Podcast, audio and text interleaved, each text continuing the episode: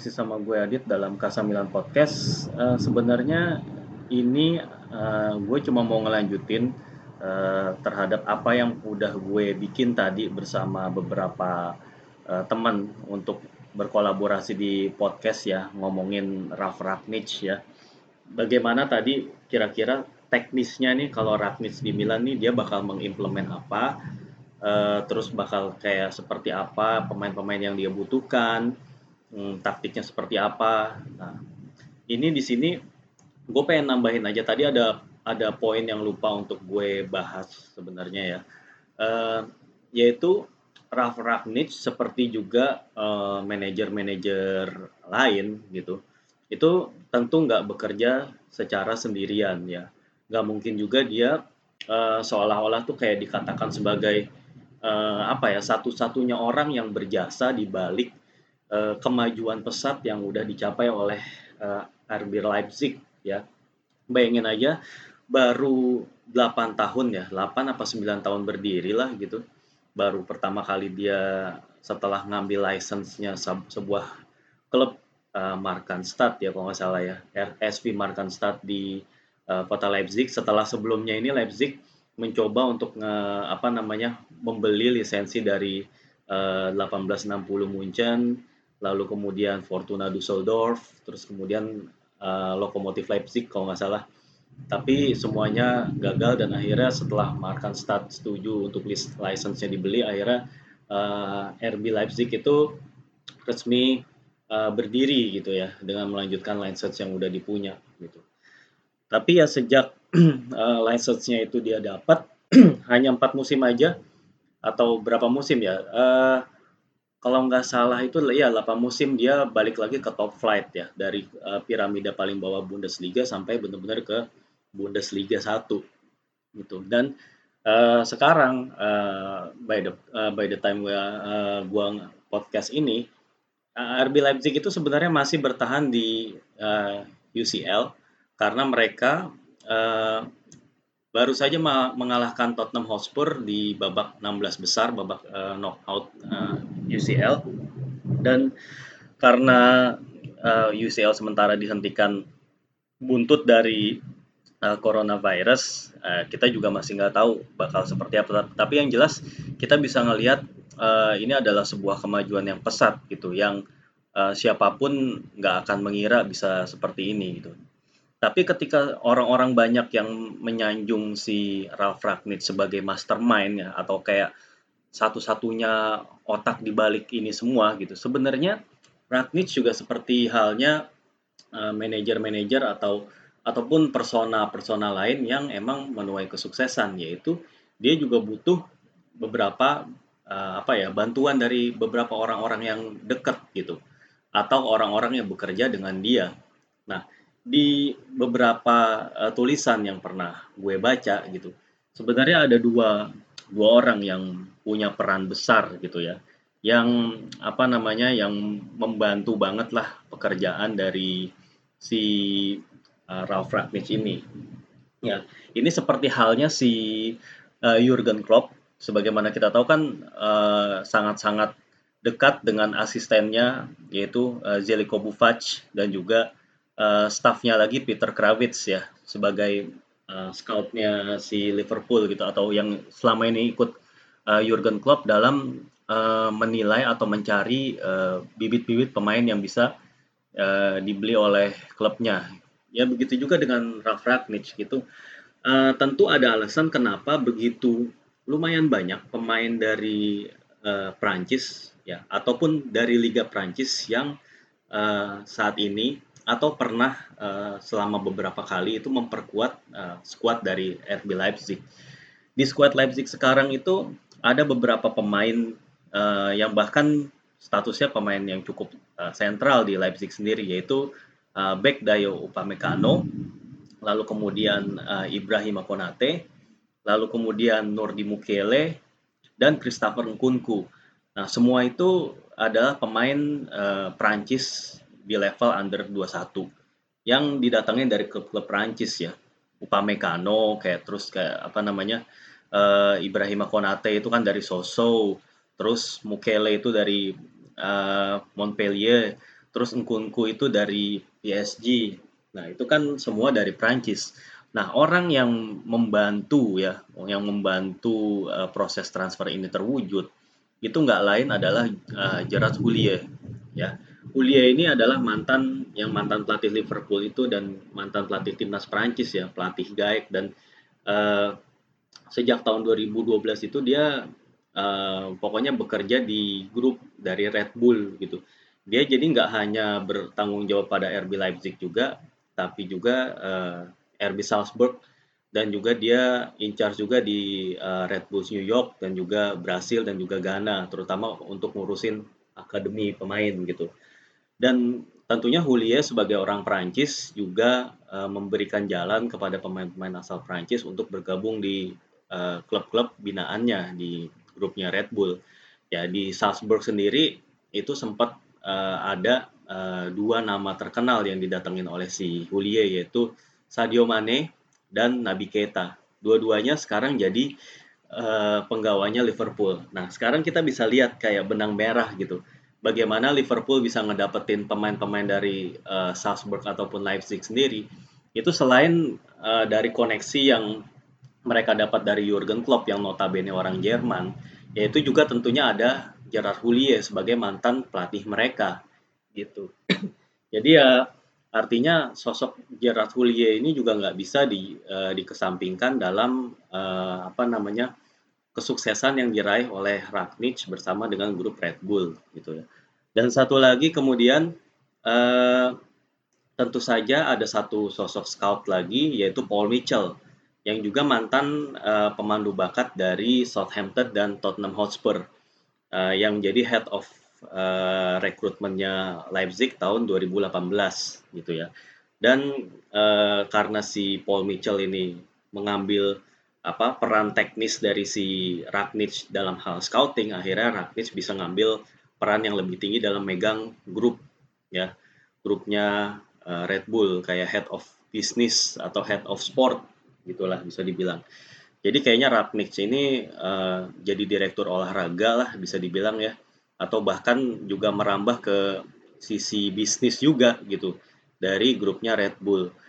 Dan Paul Mitchell tentu saja juga ya perannya bagus banget dia di selama di Southampton kita sebagaimana tahu Southampton ini adalah uh, klub Inggris yang akademi pemainnya itu uh, menghasilkan banyak banget pemain-pemain yang bagus ya. Kita ya you name it lah dari mulai Gareth Bale, terus uh, kemudian ya ada Melalana gitu terus kemudian ya banyak lagi lah uh, you name it lah banyak banget pemain-pemain asal Southampton yang ibaratnya pas masih muda itu di situ uh, terus kemudian dibeli oleh klub-klub yang lebih besar ya termasuk siapa uh, Oxlade Chamberlain uh, sempat uh, Theo Walcott nah itu adalah buah dari uh, pengema, apa, pembinaan pemain muda yang bagus yang juga merupakan andil dari seorang Paul Mitchell ya Nah, pertanyaan yang mendasar buat Milan. Nah, Milan udah punya modal apa nih? Kan tentunya sempat seperti yang tadi gue udah bahas juga sama teman-teman, tentu Ralf Ragnick seorang uh, akan sulit diharapkan dia bisa ngebangkitin Milan gitu karena Milan itu udah punya tradisi yang kuat di Serie A dan artinya nggak semudah itu kalau emang si Ragnick itu mau menawarkan ide-ide barunya itu kepada Milan gitu. Dia tentu akan membutuhkan orang-orang yang pas juga, yang sejalan sama visinya dia, yang mungkin aja juga bisa membantu dia dalam hal rekrutmen. Nah di sini gue ngelihat Milan itu udah kayak walaupun nggak, gue nggak yakin ini disengaja sih, tapi Milan itu udah punya Geoffrey Moncada.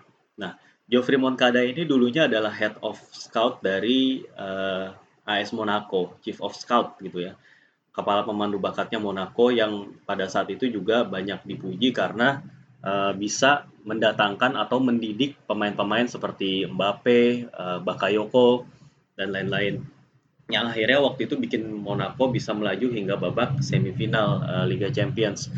Nah, kita uh, Milan tuh bisa aja sebenarnya berharap uh, duet Ragnic dan juga Moncada ini juga uh, bisa menuai kesuksesan ya tentunya uh, dengan berharap adanya French connection yang terus uh, bisa dijalin, dipertahankan dengan kehadiran sosok Moncada. Artinya ketika kita melihat banyak sekali emang pemain-pemain Prancis yang potensial, yang sangat-sangat uh, bagus dan mungkin kadang-kadang disia-siakan oleh klubnya gitu. Kayak misalnya Nkunku yang nggak dapat tempat di PSG, tapi sebenarnya punya kualitas yang sangat-sangat bagus. Begitu juga dengan Ibrahim Konate tadi yang dibeli dengan uh, free transfer dari si apa dari klub Soso gitu dan juga ya beberapa pemain lain gitu yang yang apa seperti Mukiele atau juga Upamecano gitu kan. Itu kan tadinya juga nggak terlalu banyak diperhitungkan oleh klub sebelumnya gitu. Ya dan e, ternyata pemain ini bisa menjadi tulang punggung siapa yang tahu gitu. Dan pemain-pemain asal Prancis ini emang dari dulu dikenal emang eh, punya talenta yang sangat uh, bagus gitu ya dan emang uh, karena itulah gua rasa ada pertimbangannya si Rakitic untuk misalnya dia menerima tawarannya Milan itu karena di situ udah ada si Geoffrey Moncada. Jadi artinya dia tinggal kayak ngomong aja ke si Moncada, e, cariin dong di Prancis pemain-pemain yang kriterianya A, B, C, D gitu, sesuai sama yang dia mau. Dan menurut gue itu bisa aja dilakukan. Jadi ibaratnya sebenarnya Milan nggak mungkin nggak terlalu banyak eh, nggak uh, butuh-butuh banget perombakan yang signifikan di kursi manajemen gitu. Bahkan kalau misalnya si Paolo Maldini gitu, itu masih uh, mau bertahan dan kolaborasi sama Ragnic itu juga sebenarnya dimungkinkan gitu. Cuman ya uh, sayangnya ya seperti kita tahu Maldini pernah mengeluarkan komentar yang kurang lebih isinya uh, Ragnis itu nggak cocok dengan sepak bola Italia gitu, dengan tim Italia gitu. Yaitu masih subject to uh, further discussion atau subject to uh, further ya pembuktian lah gitu loh. Artinya menurut gue nggak uh, apa ya, ini masih bisa berubah, masih bisa apa namanya, masih bisa namanya masih bisa gimana ya? Uh, masih bisa diatur lah atur lah gimana ya gitu. Menurut gue sih uh, Ralf Ragnick itu sebenarnya udah punya stepping stone yang cukup uh, apa ya cukup kokoh juga kalau sebenarnya dia pindah ke Milan. Jadi dia sebenarnya nggak yang seperti anggapan orang yang kalau misalnya Ragnick itu pindah ke Milan dia akan kayak ngebangun ulang berada dalam kondisi tim yang nggak ideal sebenarnya emang sih kondisi tim Milan juga dibilang ideal ideal ideal banget juga enggak. Tapi paling enggak yaitu mereka udah punya struktur yang cukup mumpuni. Mereka juga sekarang didominasi dan diperkuat oleh mayoritas pemain-pemain muda yang termuda di Serie A di mana bahkan eh, sebagian besar skuadnya Milan itu sekarang adalah pemain-pemain muda yang di bawah 24 tahun atau di bawah 25 tahun yang mana itu adalah kriterianya Ragnic gitu kayak Benacer, kayak siapa namanya uh, Donnarumma, uh, mungkin Donnarumma nggak begitu masuk hitungan ya, tapi kalau ada Benacer, ada siapa Liao, ada Theo Hernandez gitu, itu menurut gue uh, udah cukup, menurut gue udah cukup jadi alasan buat Ragnic bahwa dia udah punya tim yang sebenarnya cocok buat dia gitu di Milan gitu. Belum lagi kayak Frank Kessie kan juga sebenarnya masih muda gitu. Siapa tahu aja di bawahnya Ragnic dia bisa lebih berkembang karena secara fisikal Kessie itu udah bagus banget tinggal membenarkan kayak uh, apa ya mengasah si Kessie ini dalam hal decision making, dalam hal apa namanya? Uh, dalam hal uh, kemampuan untuk nyerang, kemampuan passing gitu supaya menghasilkan end product yang lebih baik gitu. Karena Casey udah punya uh, bekal, udah punya apa namanya ya udah punya kemampuan fisikal yang mumpuni gitu untuk bisa aja memainkan sepak bola cepat yang dimainin atau di request oleh Ragnic ya. Begitu juga Calhanoglu, bisa aja Calhanoglu ini under Ragnic bisa bangkit gitu karena uh, Calhanoglu udah terbiasa dengan uh, sepak bola Jerman yang uh, lebih cepat gitu daripada sepak bola Italia di mana Calhanoglu apalagi kalau dia dimainin di posisi yang lebih sentral gitu ya seperti yang tadi udah sempat gue bahas bersama teman-teman itu tentunya Calhanoglu kita bisa harapkan memberikan kontribusi yang baik gitu. Dan uh, tentunya juga semoga aja keadaan ya keadaan dunia ya karena coronavirus ini juga semakin membaik. Tadi gue baca berita di Italia itu kasus-kasus baru itu jumlahnya semakin berkurang dari hari ke hari. Udah dari kayak tiga atau empat hari lalu jumlah kasus barunya tuh menurun dan jumlah korban meninggalnya juga mengalami penurunan gitu. Walaupun tetap ada yang meninggal juga ini bukan bukan berarti kita harus syukuri kayak atau gimana tapi paling enggak ada secercah harapan uh, uh, semoga aja uh, kasus coronavirus di Italia itu makin lama makin sedikit, makin grafiknya makin kayak melandai, sehingga uh, kemudian penanganan atau proses recovery-nya itu akan lebih cepat. Dan otomatis kalau udah seperti itu sepak bola juga bisa balik lagi gitu.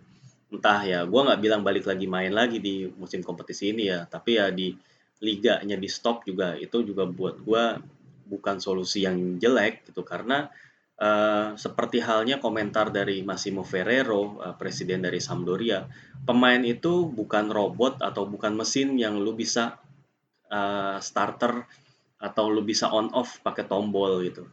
Artinya kalau ketika pemain itu dalam uh, kondisi yang nggak kompetitif, nggak dalam match fitness gitu, itu lu nggak bisa kayak misalnya nih coronavirus udah reda lah, reda sama sekali gitu dalam waktu sebulan ke depan gitu nggak serta merta begitu reda pemain oke okay, minggu depan langsung main gitu. Nggak bisa begitu karena untuk memulihkan segala macam kondisi fisik uh, lalu kemudian match fitness juga kemudian feel ketika bertanding itu butuh waktu banget. Dan ini bisa apa ya bisa membuat jalannya kompetisi itu jadi kayak nggak terduga lagi. Karena tim beberapa klub atau kebanyakan klub ya tentunya tentunya udah nggak lagi menggelar latihan bareng, artinya yang namanya kekompakan, yang namanya chemistry itu harus dibangun lagi, pemahaman taktik dan juga pergerakan juga harus diasah lagi. Artinya eh, pendek kata klub-klub itu nggak akan dalam kondisi yang siap gitu loh. Kondisi yang siap tanding begitu aja kayak lu langsung on nyalain lu siap eh, berproduksi lagi ibaratnya gitu. Kayaknya itu nggak nggak memungkinkan.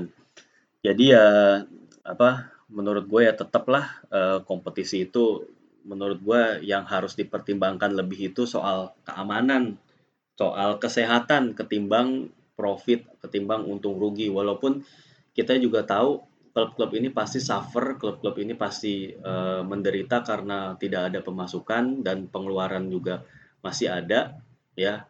Dan bahkan gue sempat baca juga klub-klub Bundesliga kalau misalnya liga itu nggak segera dilangsungkan itu akan terancam karena Bundesliga itu sangat tergantung dari uh, tiket ya. Dari pemasukan klub itu sangat tergantung dari tiket dan supporter itu juga sangat ber, apa, berpengaruh langsung terhadap kelangsungan dari klub karena ya skema 50 plus 1 itu sendiri yang memungkinkan klub apa uh, supporter itu punya suara atau punya apa ya punya punya hak gitu untuk kayak menentukan jalannya klub kayak voting right lah semacam kayak gitu.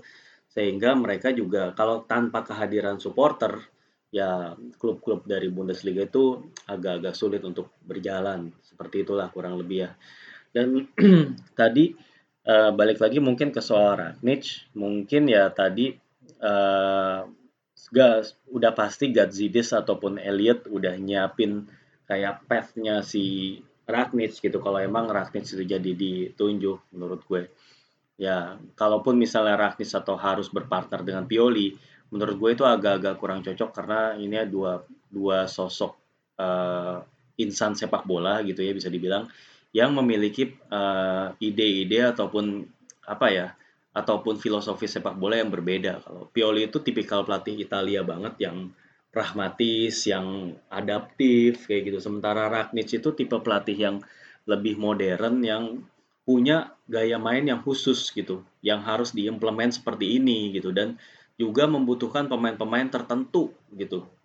Ya, yang bisa dia gunakan, yang dia bisa dia apa namanya? bisa dia berdayakan untuk menerapkan taktiknya dia gitu Oke deh, eee, ya kurang lebih sih menurut gue itu aja ya, adanya, eee, French Connection itu menurut gue juga jadi kunci keberhasilan dari Red Bull yang selama ini jarang dibahas oleh orang-orang gitu. Karena orang tuh nganggep, oh pokoknya mastermind-nya si Rakitic aja atau sekarang, eee, Julian Nagelsmann gitu. Padahal di situ juga ada peran seorang Gerard Houllier, orang Prancis yang ngebawa begitu banyak pemain-pemain Prancis baik ke, eee, RB Leipzig ataupun ke RB Salzburg gitu. Dan akhirnya dari situlah mereka kemudian mengumpulkan begitu banyak pemain-pemain muda uh, berprospek tinggi yang kemudian membuat uh, RB Leipzig atau Salzburg ini sangat dominan di liganya masing-masing. Dan terakhir ini gue pengen kayak um, apa namanya kayak ngasih tahu data nih sebenarnya datanya ini juga udah ada apa namanya uh, uh, di kalau lu baca di transfer market nih, sebenarnya uh, biaya transfer pemain yang dikeluarin oleh Leipzig ini sebenarnya ya dibandingin sama yang dikeluarin Milan itu lebih gede dikeluarin Milan. Ibaratnya Milan musim lalu aja udah kayak ngeluarin 100 105 juta kayak gitulah gitulah.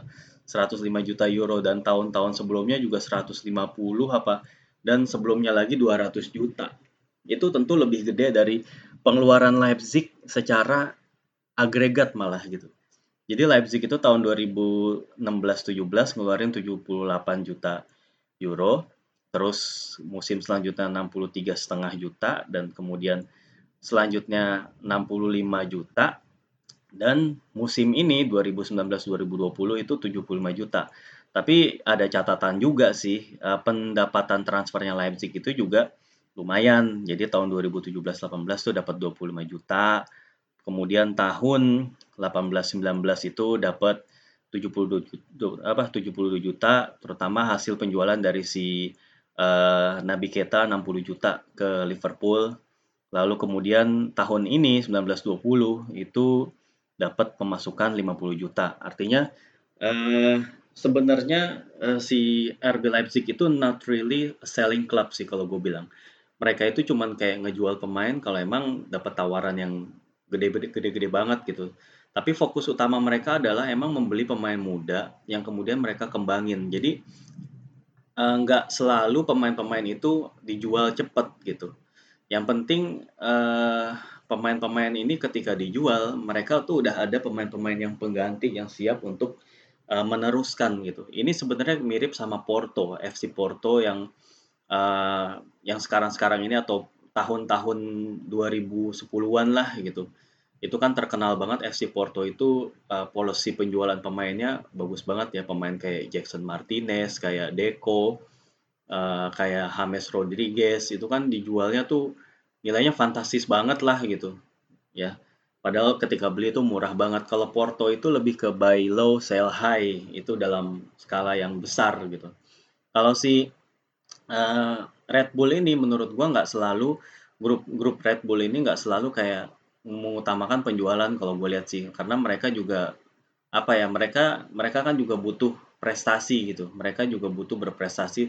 Uh, seperti halnya Porto yang harus mempertahankan papan atas di Liga Portugal. Si Leipzig juga sedang berusaha untuk mapan di papan atasnya Bundesliga. Dan karena itulah mereka akan selalu butuh pemain-pemain yang bagus. Nah jadinya mereka nggak selalu ngejual. Buktinya si Timo Werner aja, walaupun digosipin makin kencang ke Liverpool, tapi dia bertahan cukup lama kan di Leipzig gitu.